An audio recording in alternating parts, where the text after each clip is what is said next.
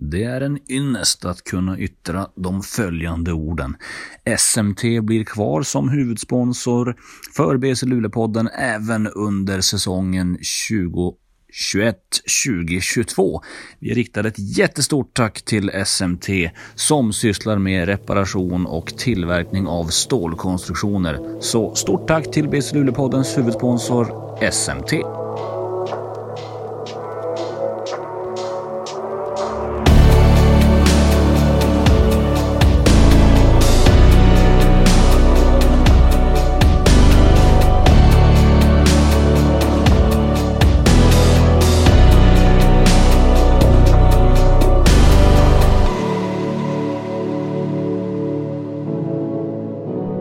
Ja, hallå där basketvänner och varmt välkomna till ett nytt avsnitt av BC Luleå-podden med mig Max Wik och återigen utan David Keso Nilsson.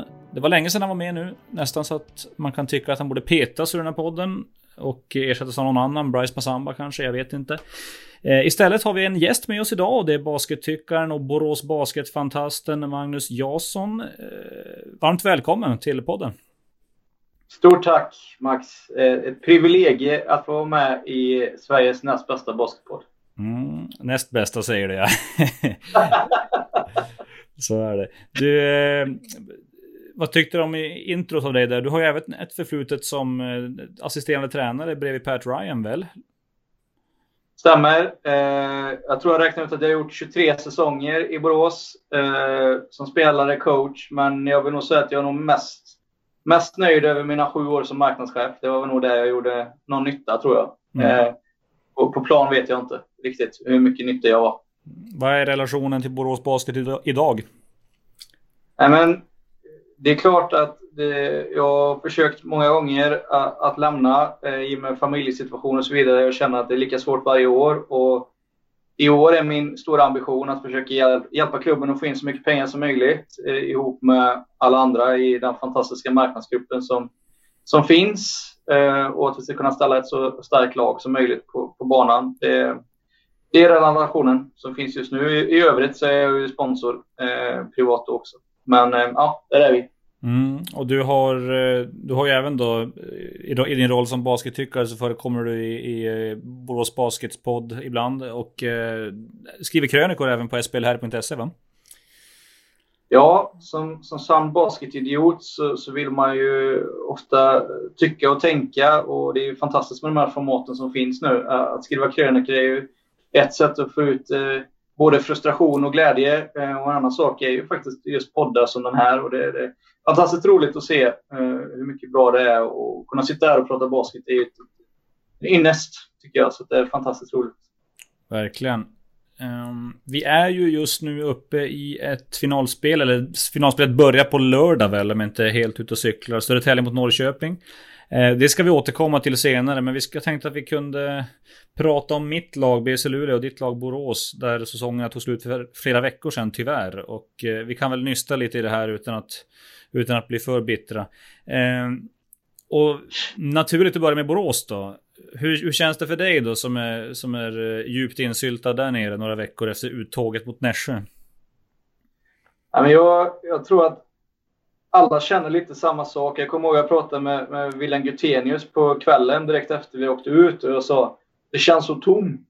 Och då säger han det är precis så jag känner med det, det är bara tomt.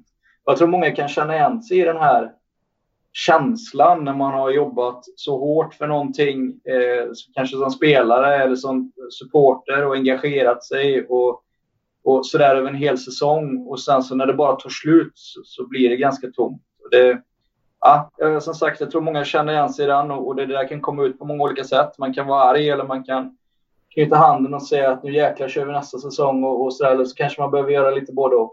Ehm, eh, ja, jag tror det är lite samma process för alla. Mm. Mm. Eh, när vi summerar säsongen för Borås då ser vi att det blev trea i grundserien och uttåg i kvartsfinal. Är det, vad, vad, vad, tycker man om det? Om någon säger att de är nöjda så ljuger de.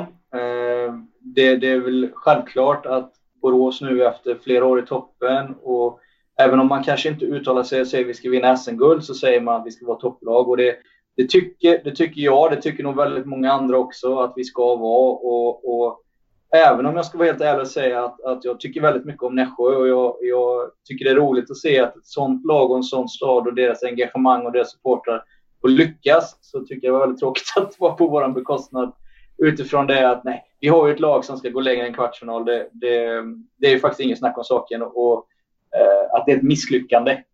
Så enkelt är det ju Max. Det, eh, man var lite arg så att säga, men det är inte mycket man kan göra åt det nu. Mm. En grundserie som inte var helt olik eh, BC Luleås med en del toppar och dalar eh, kan jag tycka.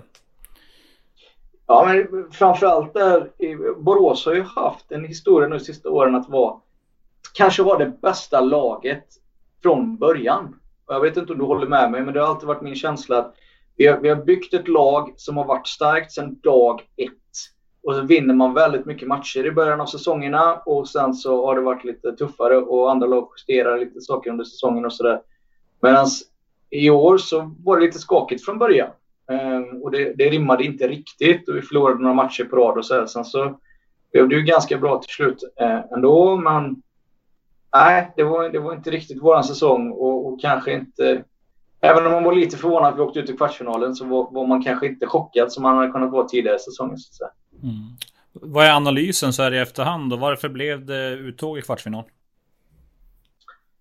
Det är lätt att, att, att sitta och tycka på, på de sista slutspelsmatcherna men jag, jag tycker det är ganska tydligt vad vi ser i de andra lagen. Jag, jag kommer ihåg när jag satt i, i Borås Basketpodden för några veckor sedan och sa att Zachary Charles han är ju i, i sämsta importen ever. Och det var många andra sådär man tycker är dåliga. Och sen så helt plötsligt steppar folk upp för det, det är slutspel. Eh, kanske några av de importerna som Borås hade eh, blev lite tvärtom. Och, och, många gånger så är det så här, vi lutar oss mot en importer i, i basketligan. Och ja, levererar man inte i slutspelet då kan det gå rätt fort och det, det, känner jag väl spontant. Ja, det hände. Vi, vi gav Nässjö en jättebra match i, i, några matcher. I några matcher blev vi totalt överkörda och över, över de matcherna som spelades så, så var det ganska okej. Okay. De var bättre än oss. Eh, och, och, ja, några av spelarna levererade inte när man skulle göra det. Jag tänker på en spelare som Jeremy Harris till exempel som utifrån, utifrån så var känslan att han värvades lite som en chansning. Man såg en potential och vad han kunde bli, men det blev kanske aldrig riktigt så bra. Eh, var det också känslan som, som ni hade där nere? Ja, jag tycker det är en, en klockren analys. Eh, kollar man på Jeremys credentials så han har spelat på en väldigt hög college-nivå i, i USA och gjort det väldigt lyckosamt med, med Buffalo och hade väl inget jättelyckat första år nere i Ungern men, men jag tyckte ändå att varför han inte lyckades och de diskussioner man hade där, att det, var, det fanns en naturlig anledning. Man hade använt han lite fel och sådär. Um, så kom han till Borås och jag, jag tycker inte riktigt att det, det, allt är ju tvådelat. Man, det är ju lätt att skicka Jeremy under bussen för att han har ju åkt hem. Men man hittade inte riktigt rätt sätt att använda honom. Eh, och, och, och, sen är det ju så här, det ligger ju väldigt mycket på att, att du kan vara en duktig basketspelare, men du måste ju också sköta allting utanför på ett korrekt sätt. Och, eh, att leva på, på eh, American pizza och, och liksom sådär under en hel säsong. Och, nej, det blir ju inte riktigt bra heller. Eh, och det, det, det, krävs väldigt mycket, det märker man ju, för att vara en lyckosam eh, atlet och en lyckosam basketspelare. Och det, det är många saker som ska gå ihop. Eh, och man får komma ihåg att det är unga spelare som kommer hit och, och ska ta till sig väldigt mycket saker och sådär. Jag hade, jag hade själv en lunch med Jeremy innan slutspelet där han säger att Nej, men nu, nu är det slutspel, nu jäklar, nu ska jag, nu, det här det är det jag lever för. Och, så, och känslan var att han ville, det var liksom ingenting annat och så, men nej, det är som du säger, det blev aldrig bra och det kom aldrig riktigt ut. Och jag önskar honom all lycka till i framtiden. Jag tycker han var en världsklasskille. Han var jättesnäll att prata med och allting sådär. Men, men basketmässigt fick han inte ut i närheten av vad han skulle i Borås. Mm. Om vi pratar då eh, om det positiva så har, är det två spelare som jag tycker har stuckit ut i Borås under säsongen. Och för mig så är det William Gutenius och DeAndre Davis som jag tycker gjort kanonsäsonger. Eh, William Gutenius har ju spelat på en helt annan nivå än tidigare i ligan eh, eh enligt mig. Kanske, kanske för att han har fått eh, förtroendet också han kanske har haft den här nivån i sig hela tiden. Och DeAndre Davis då som, ja, han, han var ju löjlig skyttemässigt. Eh, för, förutom hans försvarsspel då, som han är känd för så var han ju, var han ju löjlig från trepoängslinjen under stora delar av säsongen. Eh, de kom ju verkligen till sin rätt då istället. Ja, men det gjorde de. Och, och William Gutenius, jag vet inte ens vart man ska börja där. Det, det är ju såklart en spelare som, som jag verkligen hoppas att Borås får behålla. Och han har ju gått från klarhet till klarhet. Från, från att varit en liten misslyckad sejour i Spanien till, och, och tyckte även han spelade Nässjö. Han gjorde inte så mycket väsen av sig, men nu, nu är det ju verkligen... Han förtjänar verkligen sin landslagsplats som han fick nu här i, i slutet. Och, eh, ja, ut, utvecklat sitt försvarsspel, utvecklat sin tuffhet. Eh, har ju alltid varit en bra skytt, men, men nej, sådana där spelare de växer ju inte på träd och framförallt inte svenska sådana spelare. Så där är, eh, han är en, en, en, diamant och i övrigt också en fantastiskt fin kille. Så att det är, eh, det är jätteroligt. Eh, DeAndre, samma sak där. Eh, jag vet att coach eh, Svensson säger ju det att, att eh, den personligheten går ju knappt att hitta. Eh, DeAndre är ju även där en världsklasskille. Han, han eh, är ju uppväxt i en militärfamilj. Eh, ganska tydligt där också att han har inga problem att lyssna på instruktioner och, och han gör vad han blir tillsagd och lite till. Eh, och det är ju många gånger det här som, som, som, krävs om du ska vara en lyckosam spelare. Eh, vi, vi pratade ju snabbt innan om, om varför Jonas Jerebko hade spelat tio år i NBA Max. Och, ja, eh, adapt or die. Det tror jag många gånger. Och, och liksom, vad, vad, behöver jag göra för laget? Och Drake har gjort, han har gjort det mesta för laget. Han kan göra poäng, han spelar försvar och, och han kan vara tuff och kasta sig om det behövs. Det, det är eh, igen svårt att, att hitta sådana spelare. Men samtidigt är det ju så här. Lika duktiga som de två var, lika mycket kan det också varit Borås fall i slutändan. För att vi saknade ju kanske en kropp till där, om vi ska vara helt ärliga, i den storleken. Och de fick spela väldigt, väldigt, väldigt mycket, de två. Mm, det fick de onekligen göra. Eh, men känslan är väl att det där är två killar som man kommer vilja behålla? Ja, eh, utan tvekan eh, skulle jag säga så tror jag att man vill göra det.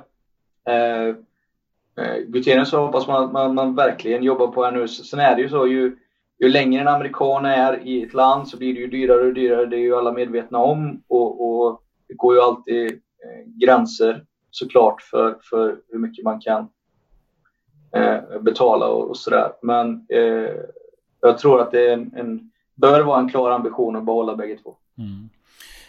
Absolut, det hade jag också gjort om jag var Borås Basket.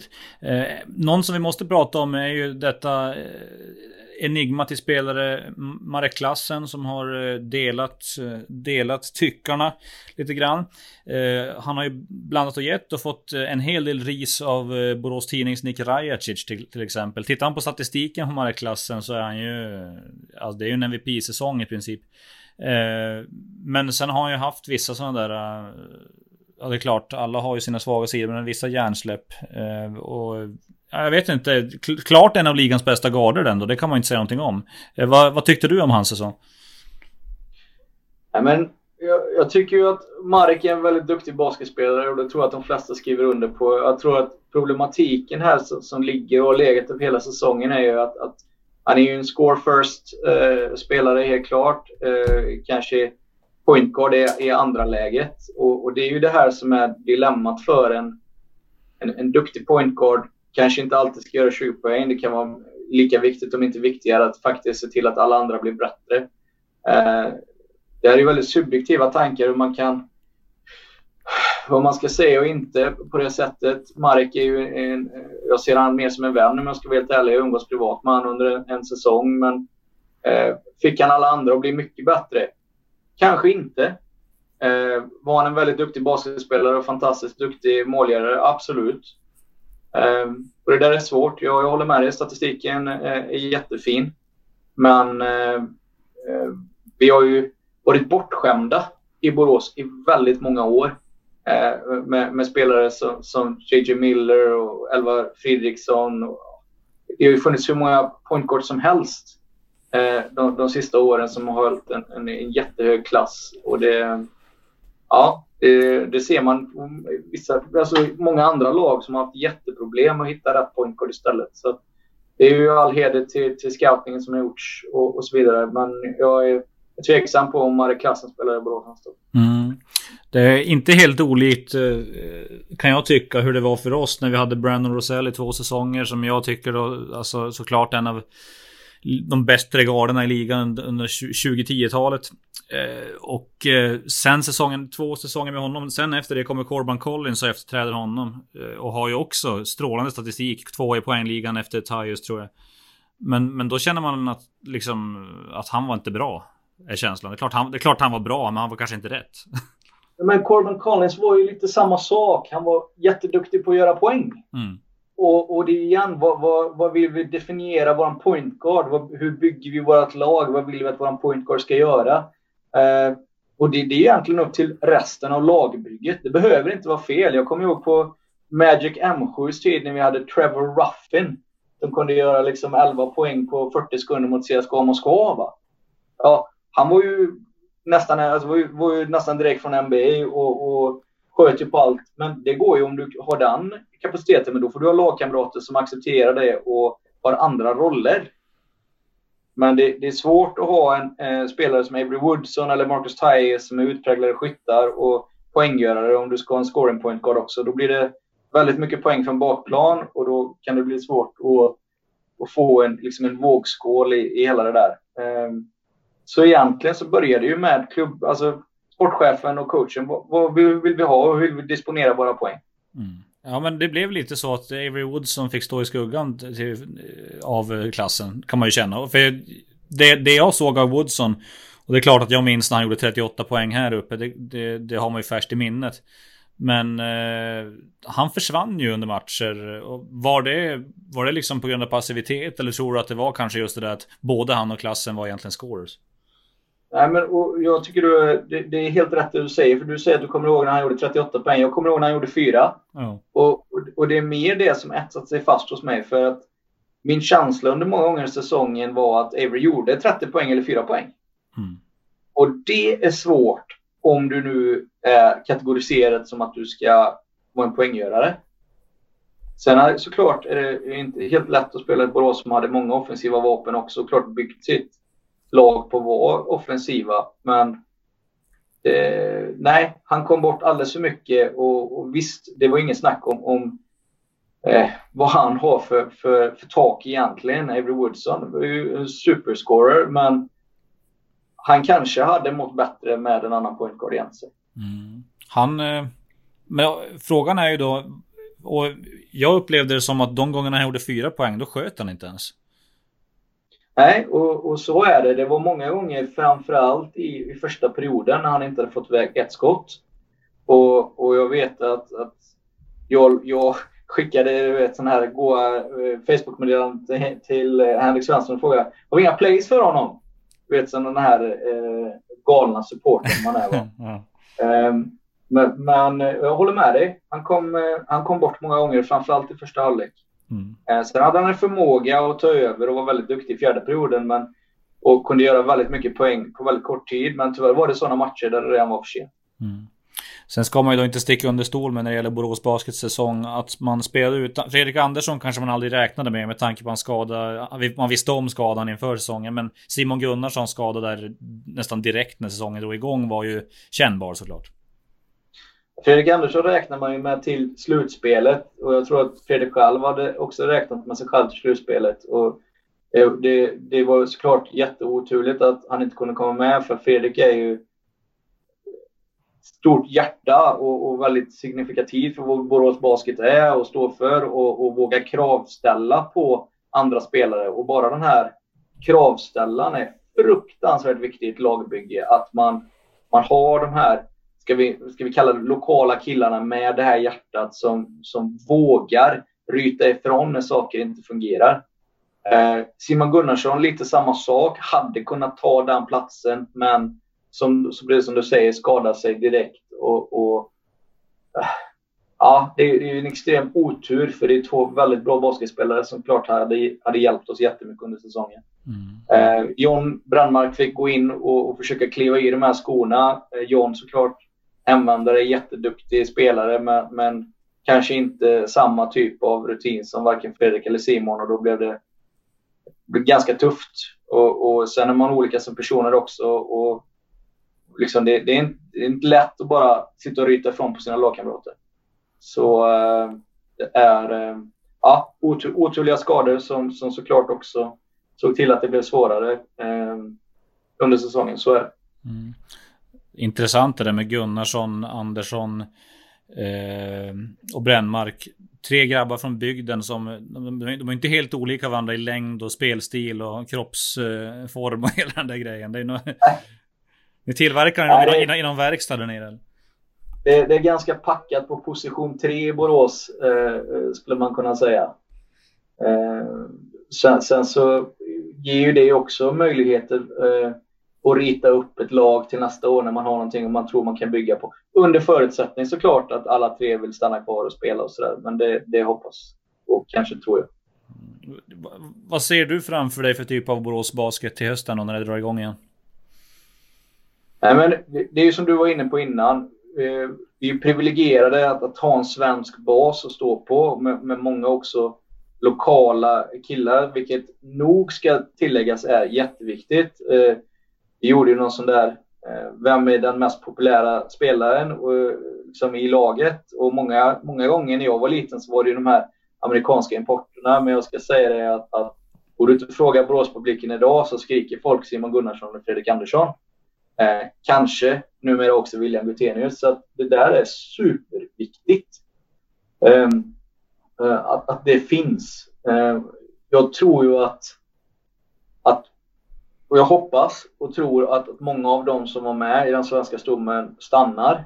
Och då är det ju, du behöver ju en, en point guard igen såklart. Du behöver en, en, eh, en shooting guard och du behöver en center. Och nu ska jag kasta ur mig någonting som kanske är väldigt otraditionellt för Borås och som jag inte har någonting med att göra. Men det kanske hade varit smart att vänta med den fjärde importen för att se hur det faktiskt ser ut och vad som komponerar sig. Helt beroende på. Eh, men Borås är, har traditionellt byggt med fyra importer direkt från början av säsongen. Mm. Och där kan jag tycka att man har hittat ett litet recept som man, där man liksom har det har varit ganska tydligt på vilka positioner man har letat importer och tagit in spelare som har liknat de som var där tidigare. I år känns det som att som att man verkligen, när man tog in klassen, bara men nu, nu ska vi ta en, en ny Elvar Fridriksson här. Han kändes ju som att han var exakt lika lång och nästan likadan i kroppen och liksom så när man såg på highlights så var de inte helt olika heller. Eh, även om de sen, sen i slutändan var det kanske, men eh, och att man hade en, en vill ersätta Tyus ganska tydligt också. Eh, så, Tror du att man, eh, tror man fortsätter jobba efter ungefär den modellen? Ja, jag är enig i vad du säger. Eh, det är klart att jag tror att man kanske Eh, så här, klassen kommer ju direkt från Ukraina. Ukrainska ligan är ju som du vet ganska bra. Eh, och Elva Fredriksson kommer ju inte från ukrainska ligan. Där hade man kanske tur är väl ett, ett annat ord, men, men att man träffade verkligen rätt med Elva. Men att man kanske visste lite mer att det var en rätt bra klassspelare man fick i, i Marek. Eh, ja, Woodson hade gjort en, en, bra säsong i Finland, absolut. Man visste att han var en, en extremt bra skytt. Ja, jag tror att det var mer rakt av mot, mot Tyres. Um, men, men um, ja, är det rätt recept eller inte? Ja, kanske vi behöver högst troligtvis en, en 1 och 2 till nästa säsong och då är det väl den typen av spelartyper man ska leta. Men, men kanske en point guard som hanterar och spelar pick and roll och kan involvera sina medspelare lite mer. Mm. Där, där skiljer vi ju vi och oss lite grann känns det om man jämför med BC Luleå och Borås. Att det har varit en väldigt tydlig point guard som har tagit många av besluten på planen. Och jag menar Nimrod Hilliard gjorde ju det fantastiskt och även Elvar Fridriksson. Eh, hos oss har det varit lite mer så här flytande vem som är, vem som är bollhanterare. Men jag, jag är också, ni är ju bortskämda, ni glömmer ju det i Luleå, med ligans bästa backup eh, point guard. Och sån där sak är också extremt viktigt. Eh, nu var han ju snart, han var ju knappt backup point guard i slutet för att han spelade ju jättemycket. Men det är... Eh, jag, jag, jag tycker båda bröderna Hansson är duktiga, ska jag tillägga. Men jag tycker att, att Donald Hansson verkligen har gjort framsteg. Jag vet inte hur ni själva ser på det i Luleå, men det är ju ynnest att ha en sån backup point guard också. som kan komma in och vara så stabil. Ja, verkligen. Danne, han har gjort, eh, han har gjort sin överlägset bästa säsong i år. Han skjuter 45% på treor och eh, intensiv, bra bollförsvarare liksom. Han och vet sin roll. Han är ju, eh, han är ju superbra för oss. Om vi nu ska gå in på det vidare så problemet för oss var ju snarare att, tror jag, att man man man vill ju ge speltid till Adam Rönnqvist såklart. Man vill, ge, man vill ge speltid till Danne Hansson. Man vill också ge speltid till Jonte Arvidsson som kom från ingenstans och, och var magisk stundtals. Och sen har du Tori Murray på det som tjänar mest i laget. Eh, och som liksom ska ha sin speltid. Även om det kanske inte alltid funkade där. Så det var ju lite, det var, var väl ett problem, lyxproblem eller jag vet inte vad det var. Var det rätt att ta Tori Murray från bänken? Blev laget bättre av det? Ja, det tycker jag faktiskt. Jag, jag, kan känna att han var ju... Jag tycker att han borde vara en sån här... Uh, han blev ju liksom, kom in, är han, kolla om... To, är, är Murray het? Ja, men då kör vi på med honom. Men är han inte het, då tillför han inte så mycket på planen. Så att jag tror nog att det var rätt. Sen så fick, sen, sen sjönk ju både Arvidsson och Hansson speltid ganska rejält i kvartsfinalerna och det kan ha varit, det, kan, det kan ha varit en del av vårt fall. Ja, kanske för man chansar ju lite, men det där, det där är ju ganska tydlig röd tråd nu. Om man kollar på, kollar på Norrköping till exempel, där Mikko Rippinen då har, har gett ganska många spelare chansen över hela, eh, med och, och verkligen utvecklat spelare under säsongen och sådär. Men sen går man ju lite mer på, på importer och så vidare eh, för att, att säkerställa. Och Jämtland, samma sak där nu. Man, man spelar mycket mycket importer innan man, man här åkte ut. man, ja, eh, även om Zach Lewis då sätter 5-3 i ena matchen så gör han fyra poäng matchen efter man har spelat väldigt mycket. Och det är lättare att chansa med en import än med en svensk, det är min känsla. Mm. Absolut. Och man vet att de också är, är de som sitter på, de sitter på oftast på de stora pengarna, så det är de som har betalt för att, eh, för att avgöra det.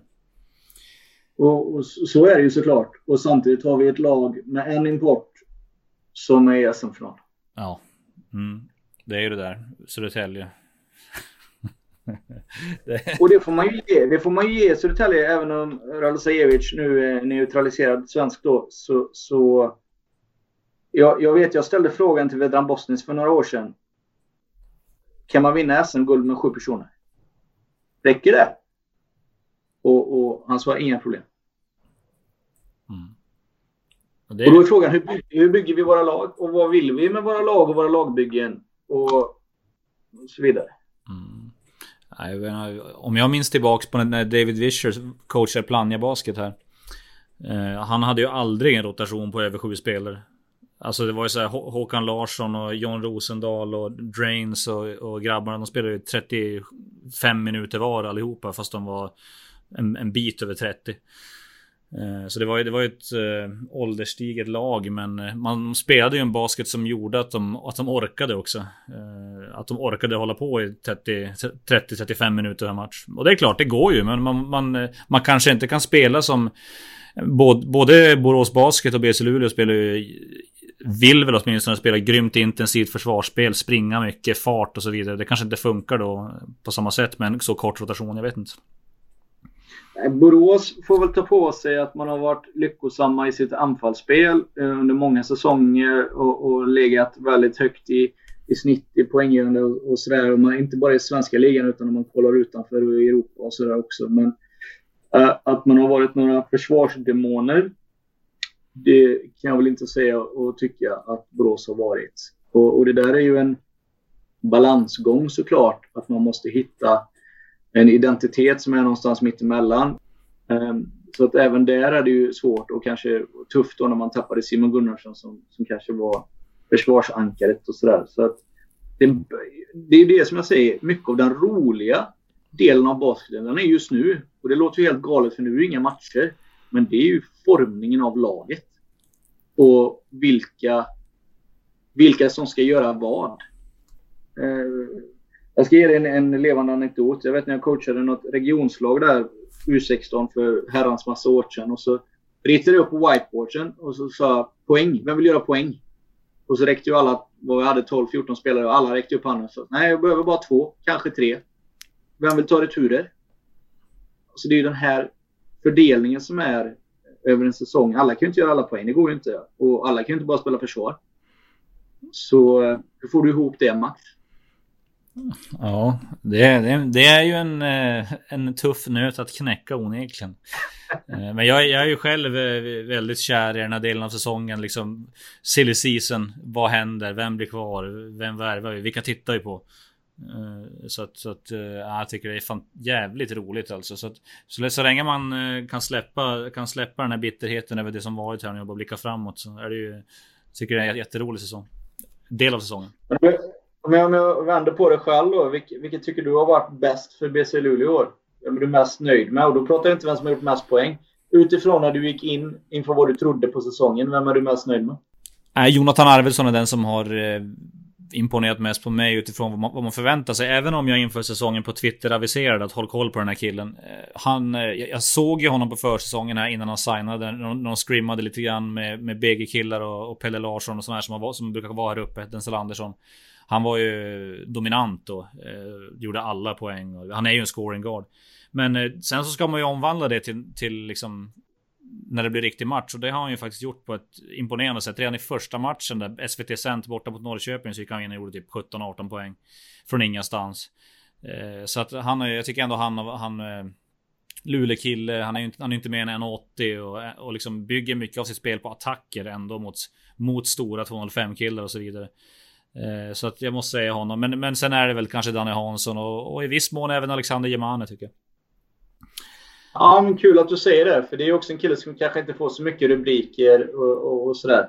Eh, måste jag säga. Arvidsson håller jag med om. Framförallt starten var ju grym. Eh, jättestort eh, utropstecken för mig och, och positiv överraskning.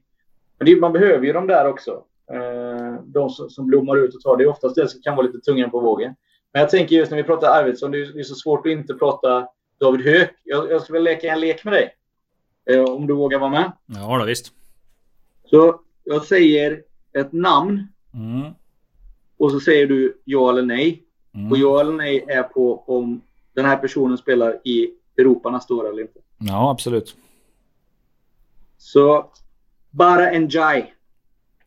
Nej. Viktor Gaddefors. Ja. David Höök. Där är jag fan, där jag är osäker alltså. Det känns som, det känns som att han har sånt jävla hjärta för Nässjö den där killen. Jag tror att han spelar antingen i Nässjö, spelar han inte i Nässjö så spelar han i Europa. Det är, det är väl något halvdant svar. Ja, men det, det, det är ett bra svar. Och, och, det är precis det här som man, man har sett nu i, i slutspelet. Hur viktigt du har och brinner. Och han har ju liksom sopat golvet i, Nässjö sport och simhall liksom. Och, och sett alla de här och komma dit och det är ju jätteviktigt. Jag, han, jag, tror, jag tror på riktigt att någon skulle lätt kunna dubbla hans månadslön i, i SBL. Jag är tveksam om han hade flyttat. Mm. Nej, jag tror exakt samma sak. Jag vet ju att inför säsongen som gick, han var ju också här uppe och tränade med Jonte och alla de här. För Jonte Arvidsson har ju, han har ju gått på, på basgymnasiet i Luleå, David Höök. Och eh, han, han spelade ju Junior College tillsammans med Jonte Arvidsson borta i, i Eastern Wyoming. Så han känner ju grabbarna här. Men, och det var väl lite snack med honom inför säsongen, men han var ganska tydlig med att nej, nej, jag ska spela i Nässjö. Så att eh, han, mm. det, vi var ju inte... Nässjö var ju inte ensam om man ville ha honom inför den här säsongen. Eh, så att, nej, det säger väl någonting ändå. Sen ska sen så... Ja, nej jag vet inte. Det som är intressant med David Höök tycker jag också är att statistiskt, jag har ju sett honom en del eftersom han har spelat här uppe. Han har ju, han har ju varit en sån spelare som man har sett bara oh shit vilken fys han har. Och jäklar, han kan ju dribbla bollen och han dunkar och... Men han som aldrig fått ihop det riktigt. Och tittar du statistiskt på det han gjorde på BG i basketettan, det är inga särskilda stats. Det är ju det är stabilt sådär, men det är inte något som man tänker så här att ja, men han kommer gå in och, och dominera i ligan. Tittar du sen vad han gjorde på Eastern Wyoming, ja, samma sak där. Eh, stabilt, men inte, inte fantastiskt. Eh, Medan Jonte Arvidsson då var deras leading scorer under sina två år där. Gjorde allt för dem. Eh, och sen kommer de kommer hit till SBL och hittar verkligen rätt i Nässjö. Och nu är, nu, är han ju, nu är han ju den spelaren som man har tänkt att han har verktygen för att vara. Eh, mm. Och varför det blivit så just nu, jag vet inte. Men det är kul att se. Men det, det är också intressant att, se liksom precis det, det, du beskriver. Att, att hamna rätt, att hamna i rätt situation. Och det, det är många gånger när jag hör basketspelare berätta om sina karriärer och, och, varför det gick bra eller varför det inte gick bra så, så säger de om, om, om du fick göra om någonting, vad hade du gjort då? Och nästan alla säger samma sak. Jag hade gjort mer research för att säkerställa att coachen verkligen hade satsat på mig eller att, att det var ett, ett bra ställe för mig att bo på. Alltså det här, hela situationen. Inte så mycket, jag önskar att jag hade gått in och skjutit mer trepoängare så jag blev en bättre trepoängare, att jag hade jobbat bättre i defense eller väldigt mycket handlar är situationsanpassat. Om jag hittar någon som tror på mig. Och det, det där är jätteviktigt. Men jag tror att väldigt många unga spelare tänker det, det är en fräck skola eller här får jag hög lön. Eller, ja, förstår du vad jag menar? Ja, verkligen. Eh, det, det, är guld värt och vissa, vissa är väl ännu mer liksom beroende av att känna att man har det där förtroendet till andra. Eh, och nej, det är, jag tycker du är helt inne på helt rätt spår där. Absolut. Men motivera nu, sista då. Baranjai spelar inte i Europa, varför inte? För att jag tror att han kommer spela på college. det, är, det, är, det, det, det, är det, det korta svaret. Eh. Ja, men det är bra. Det, det, tror, det tror jag med. Ja. ja, bra Max. Så är det. Eh, en tendens som, som vi har sett under säsongen och under slutspelet är ju att de lite större brunkigare lagen som packar färgerna fått lite, lite revival i spel här. Typ Jämtland, Nässjö. Är det något vi kommer se mer av tror du? Är det en ny trend som kommer stå sig? Är den klassiska centern på väg tillbaka? Nej, det tror jag inte. Och, och varför jag inte tror det, det, det, är en ganska ny diskussion som jag hade med, med Henrik Svensson eh, som är headcoach i Borås igår. Eh, som är ju en ärkenörd på allt vad statistik har med att göra. Där han säger att nej, men pick and rollen är ju, är, ju, är ju på väg ännu mer bort. Och vad behöver du verkligen en stor center till? Jo, det är ju lyckosamt om du vill spela mycket pick and roll och sådär. Eh, jag tror att så länge trepoängs eh, spelet är så viktigt som det är och har varit nu några säsonger så tror jag fortfarande det kan vara svårt. Eh, ja, det är klart du kan spela inside out, men, men eh, jag är inte övertygad om, om att, att den här 2.17 killen kommer vara det första folk springer på. Vad tror du? Det, det är nog inte omöjligt. Samtidigt så tror jag att kanske till nästa säsong att många reagerar på det här som man, som man har sett. Oj, oh, ja shit, det var bra det gick med Langevine här. Vi, vi, försöker, vi försöker hitta något liknande. Sen om det består eh, över tid, det vet jag fan. Men jag skulle inte bli helt förvånad om till exempel BC Luleå gör något som vi inte gjort på många år och tar in en lite, lite mer klassisk eh, kille med, med storlek. Det, det skulle jag inte bli superförvånad om vi fick se. Eh, med det sagt så lär vi, lär vi väl inte bygga något, något liksom inside-betonat lag för det. Men kanske en, en som är lite större. Eh, det skulle jag inte bli förvånad över. Ja. Nej, säger du att det kommer en, en ny Jocke Kjellbom med samma kvalitet så säger inte jag nej. Eh, och framförallt tror jag väldigt få lag gör det i basketligan. Men det är också intressant att se tendenserna utifrån Europa och så vidare. Vad, vad, hur man använder spelare och så vidare. Och igen så handlar det ju väldigt mycket om, om hur resten av dina spelare ser ut. Eh, Problematiken i, i Sverige kan jag känna emellanåt är att ja, men vi får möjligheten att få den här spelaren. Den är jättebra. Så då tar vi den. Fast det är nog... Det blir ju inte alltid bra. Det kanske inte är rätt spelare för laget så att säga. Nej. Och, och, och jag vet inte hur man tänkte i Luleå med Torre Murray. Det är ju jättekult att ha en, en spelare med en Bay-meriter. Men jag som, som åskådare och, och inte Luleåfantast kände ju på det sättet att det kändes ju inte som en helrätt värvning. Men då kan jag ha fel. Mm, nej men det, det har ju varit, han har ju varit en het potatis såklart här uppe. Eh, eftersom han har blandat och gett ganska mycket och eh, han, han, han gjorde inte heller jättemånga andra bättre på det sättet som vi var inne på med markklassen kanske. Att han, när, när, när Murray var het och eh, då gjorde han ju 30 poäng och vann matchen åt oss. Men när han inte gjorde 30 poäng Ja, då, då var han ju som meningslös på planen. Kanske till och med så att han skälpte laget. Eftersom han spelade inte särskilt mycket försvar och, och han höll mycket i bollen. Eh, liksom stannade upp bollflödet också. Eh. Och jag vet att jag har ju sagt det till dig innan, men han såg ju också ut som ett eh, argt barn när han satt på bänken emellanåt. Och jag vet att i vissa timeouter eh, på Luleå-matchen jag kollade på så satt ju Ökvist och eh, de fem som spelade på bänken och alla andra stod och kollade på. Och han satt två stolar bort och, och kolla på stjärnorna. Mm, ja, det där är, han hade ju en och man kan ju tänka sig att det kanske är för att han är en diva, men den bilden hade jag ju inte alls av honom. Eh, alltså, man pratar ju rätt mycket med, med spelarna eh, såklart under en säsong. Jag intervjuar dem mycket och sådär. Och han, han var ju väldigt sådär, eh, nere på jorden och så vidare och inte alls diva på det sättet. Så jag vet inte riktigt.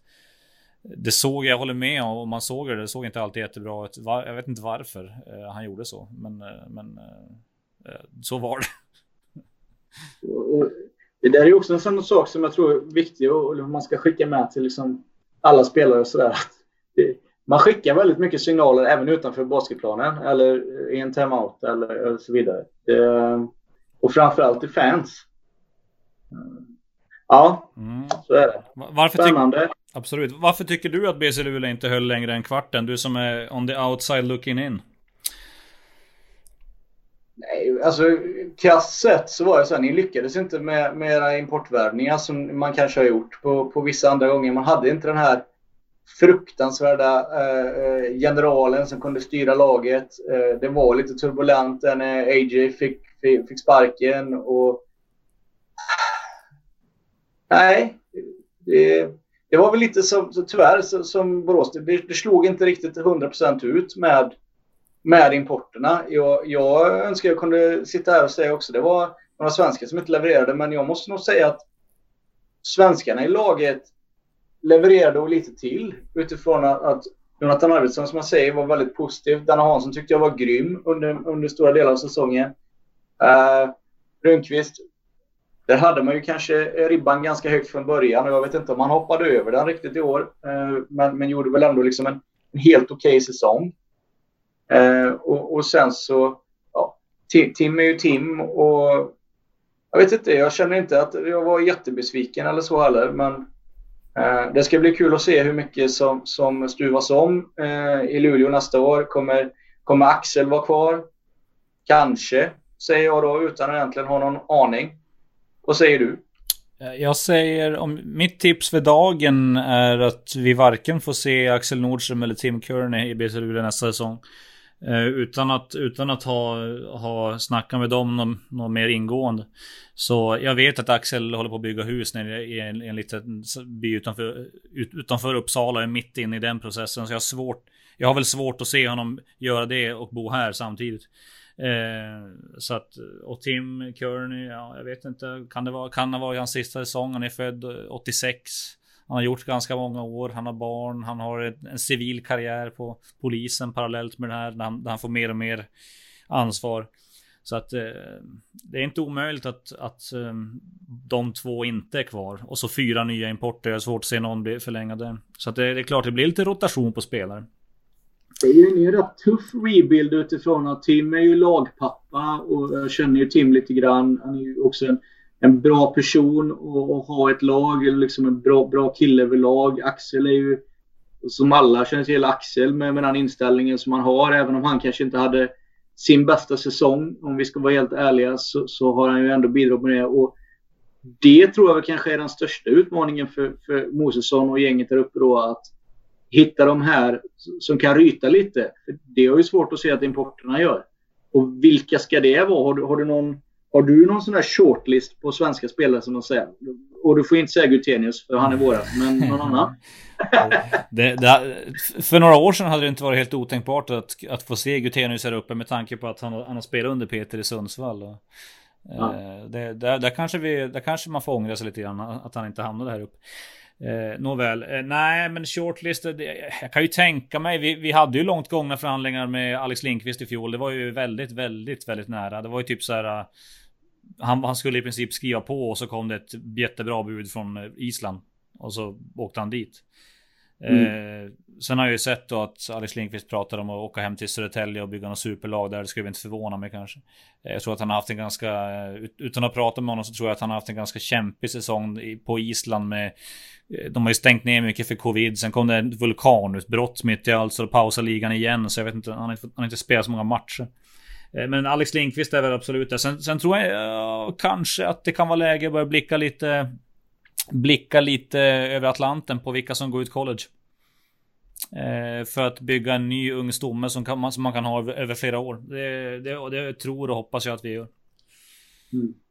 Och där, där tänker jag att det är många som blickar över och, och försöker skapa sin bild av det. Såklart det finns redan en bild hos alla sportchefer och så vidare. Men det, det, känns lite som att det är flera lag som hade mått bra av att få in några stycken som stannade under flera säsonger.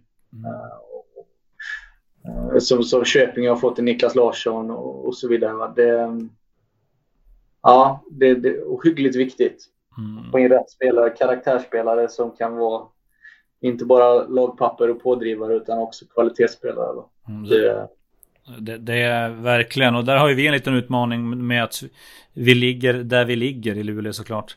Eh, det är inte alla, det är inte alla som jublar över att flytta upp till Norrbotten. Men eh, även om man vet att liksom vad gäller klubb eh, och liksom allting runt omkring sköts ju bra här uppe. Det, det kan jag ju skriva under på.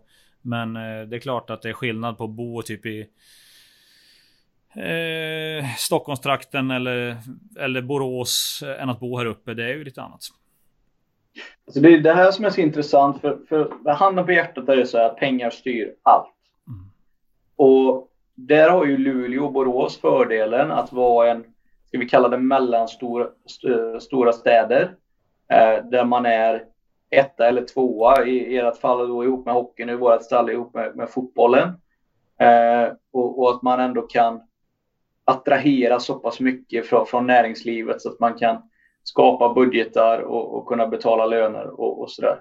Och kollar jag på, på Fryshuset till exempel, så lite spelare för spelare, så inser jag så, nej, ja visst de vann en match, men de är inte värdelösa. Nu försvann ju många spelare under säsongen där tyvärr. Vi får väl se hur, hur deras lag ser ut och inte ser ut under, under nästa år. Men det kommer ju komma extremt många mer duktiga Stockholmskillar eh, som vill spela i basketligan och de kommer ju alltid, skulle jag säga, ha ett underlag för att ha ett lag. Och addera då fyra stycken importer på, på det laget. Är de bra eller dåliga då? Ja, det, det är klart att de är bra och jag, och jag tycker att Stockholm all, alltid borde kunna ha ett ganska stabilt ligalag. Det är alltså med tanke på, på Alltså det, det, är ju, det är väl typ sporten nummer ett för, för ungdomar i, i Stockholm, basket. Och, och, här kommer vi till min poäng. Att pengar styr allt. Mm. För om de hade fått in pengar så hade ju de kunnat bli på sikt dominanta ganska fort. Men här är ju dilemmat att de har inte den attraktionskraften. De kommer inte igenom bruset för att de är inte ett eller tvåa. De är väl, är jag snäll, sjua kanske? Mm. Åtta? Jag haspar ur mig någonting men de är ju inte i närheten av den attraktionskraften som finns. De har ju fyra fotbollslag före sig och så har de en tre hockeylag. Jag menar, där är de redan åtta. Va? Det, de är ju inte ens topp 15 om man ska vara ärlig. Nej, och, så. Och, och, få in pengar på det sättet och, och liksom det är, det är ju där det måste på något sätt vända för dem. Mm. Uh, pengar kommer ju köpa dem framgång, pengar kommer köpa dem uh, attraktionskraft och på det sättet. Men, men uh, det blir lite moment 22. Mm, mm. Ja, så är det ju förstås. Och, men, men och pengar styr allt och jag menar, det, det är klart att eh, svenskar som har kommit upp hit har väl vetat att de har ju, de har ju fått stabila löner liksom. De, de är inte miljonärer men de, de, tjänar ju, de tjänar ju ganska bra och de kan, kan leva på basketen och, och hela den biten. Men med det sagt så har vi ändå gått bet på en del sådana där svenska värvningar mm. genom åren. Jag vet att Mosesson för en herrans massa år sedan har ju varit otroligt nära att värva, värva både Per Stymer och Jocke Blom men det har skit sig i sista stund. Av olika anledningar.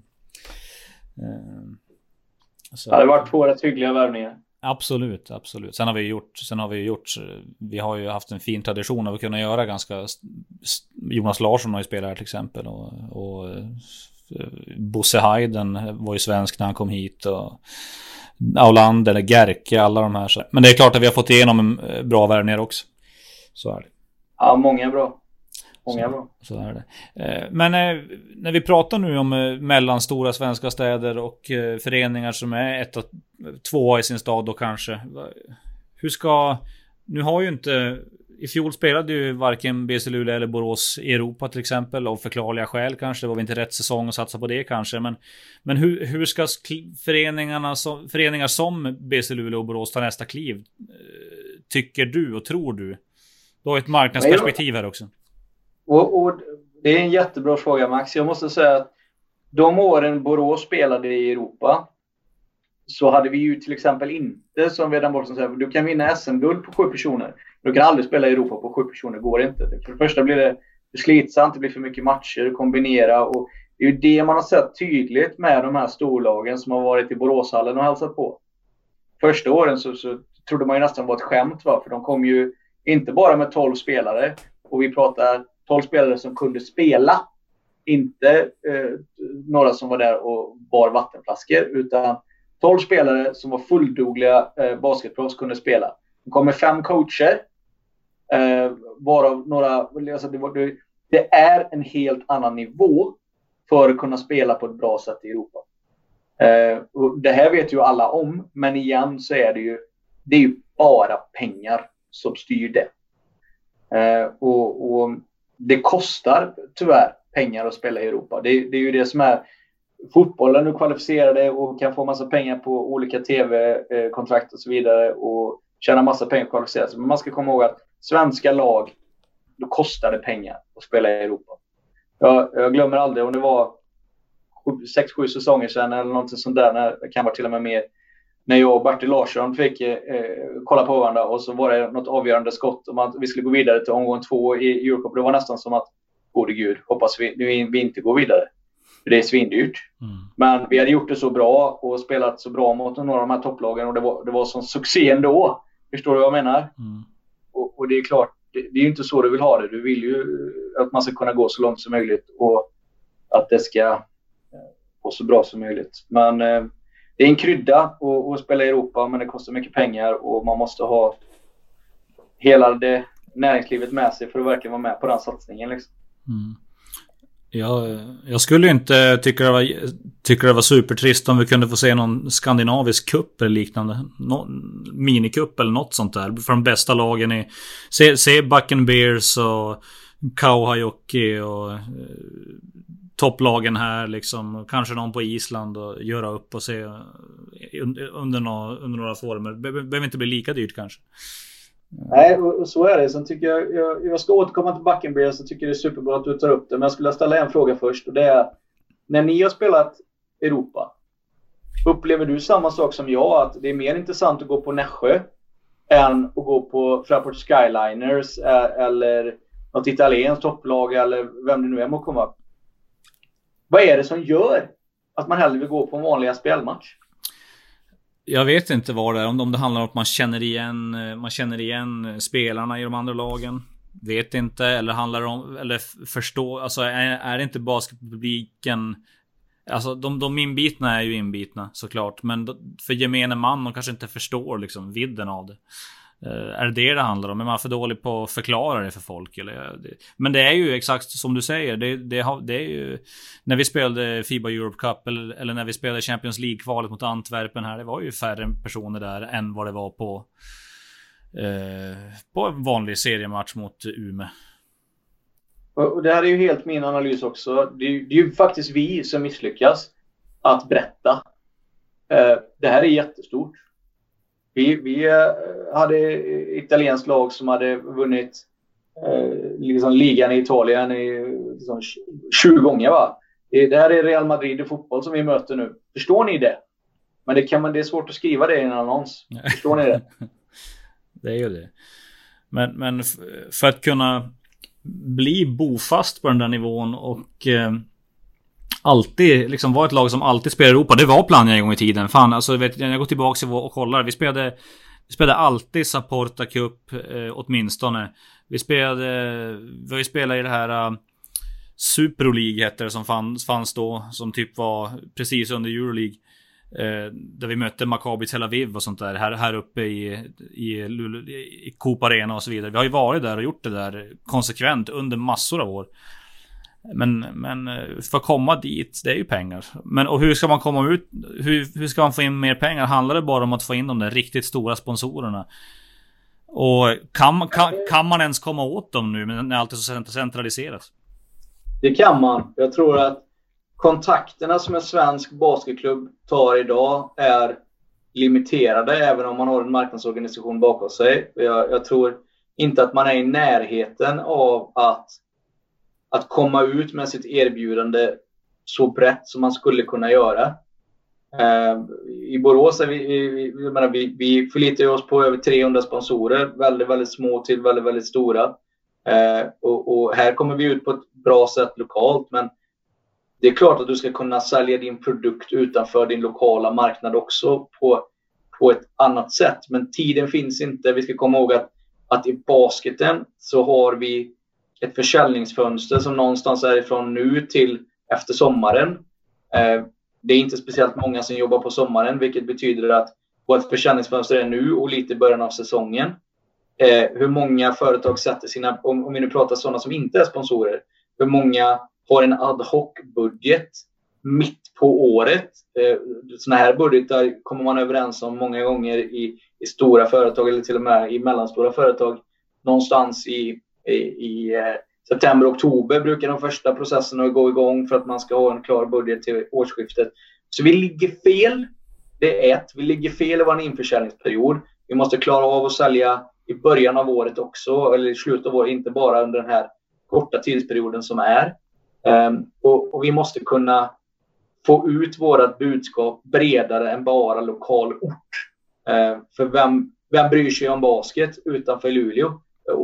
Kanske ganska många. Eller vi, vi, vi måste kunna räkna TRP, vi måste kunna räkna på exponeringen, vi måste kunna räkna på, på eh, CSR-values, vad det än må vara. Men vi är alldeles för dåliga på att sälja vår produkt. Det tror jag. Eh, den andra saken som jag som jag tror det är när du tog upp Buck and Beers. De har ju lyckats. De är, de är totalt dominanta. Eh, är det Århus de kommer ifrån om jag missminner mig. Och jag kommer ihåg när Nässjö Basket var på studiebesök i Borås för att kolla. Vi vill lära oss vad ni har gjort för vi vill bli bättre. Det är en av de sakerna som jag fortfarande högaktar Nässjö för. För man, man, man hade inga problem med att, att vilja lära sig och så vidare. Jag ska vara helt ärlig, jag skulle vilja se den första basketklubben som skickade representanter ner till backen och sa Vad har ni gjort de sista åren? Vi skulle vilja lära oss. Den klubben hade jag respekterat. Mm. Det är intressant för de har gjort en jäkla kanon, eh, alltså raketresa. Måste man ändå säga. Det var inte, det var inte så många år sedan. Året när vi hade Tony Prostran när kan det vara? 15-16 var det. Då var de här på försäsongsturnering Backen Bears och jag menar vi vann ju mot dem. Det, det, var inte så att, det var inte så att de... Idag hade de ju förmodligen kört över oss. Eh, så de har ju, det är ju någonting som har hänt där. Det skulle ju vara jäkligt intressant att, att, att höra mer om det. Absolut. Det kanske, det kanske är det vi skulle eh, kämpa för Max. Att Borås och, och Luleå åkte till backen. Ja, kanske, kanske, kanske vi får, får in någon representant i, i BC Luleå-podden, vem vet? Som kan berätta lite mer om det där. Ja, men det är en bra idé. Bara de inte pratar danska för då förstår jag inget. jag, jag tycker det har varit fantastiskt att, att få prata med dig. Eh, och prata basket kan man göra hur länge som helst. Jag inser dock att ikväll så är jag barnledig. Så jag ska åka hem och, och äta gott och, och njuta av kvällen med min fru. Men jag hoppas att vi får möjlighet att prata igen Max, för det var väldigt trevligt. Ja, det håller jag med om. Jättekul att du ville vara med. Vi har ju fortfarande hur många ämnen som helst att avhandla och eh, det får vi göra en annan gång helt enkelt. Ja, jag tänker det. Men basket kan man ju prata hur länge som helst. Ja, det är inga problem med det. Eh, stort tack Magnus för att du ville, ville vara med i BC Luleå-podden. Jag säger också stort tack till vår huvudsponsor SMT. Förhoppningsvis kommer vi ut med en ny podd efter det här eh, någorlunda snart. Det beror lite på vilket humör jag är på. Men vi säger ändå på återhörande.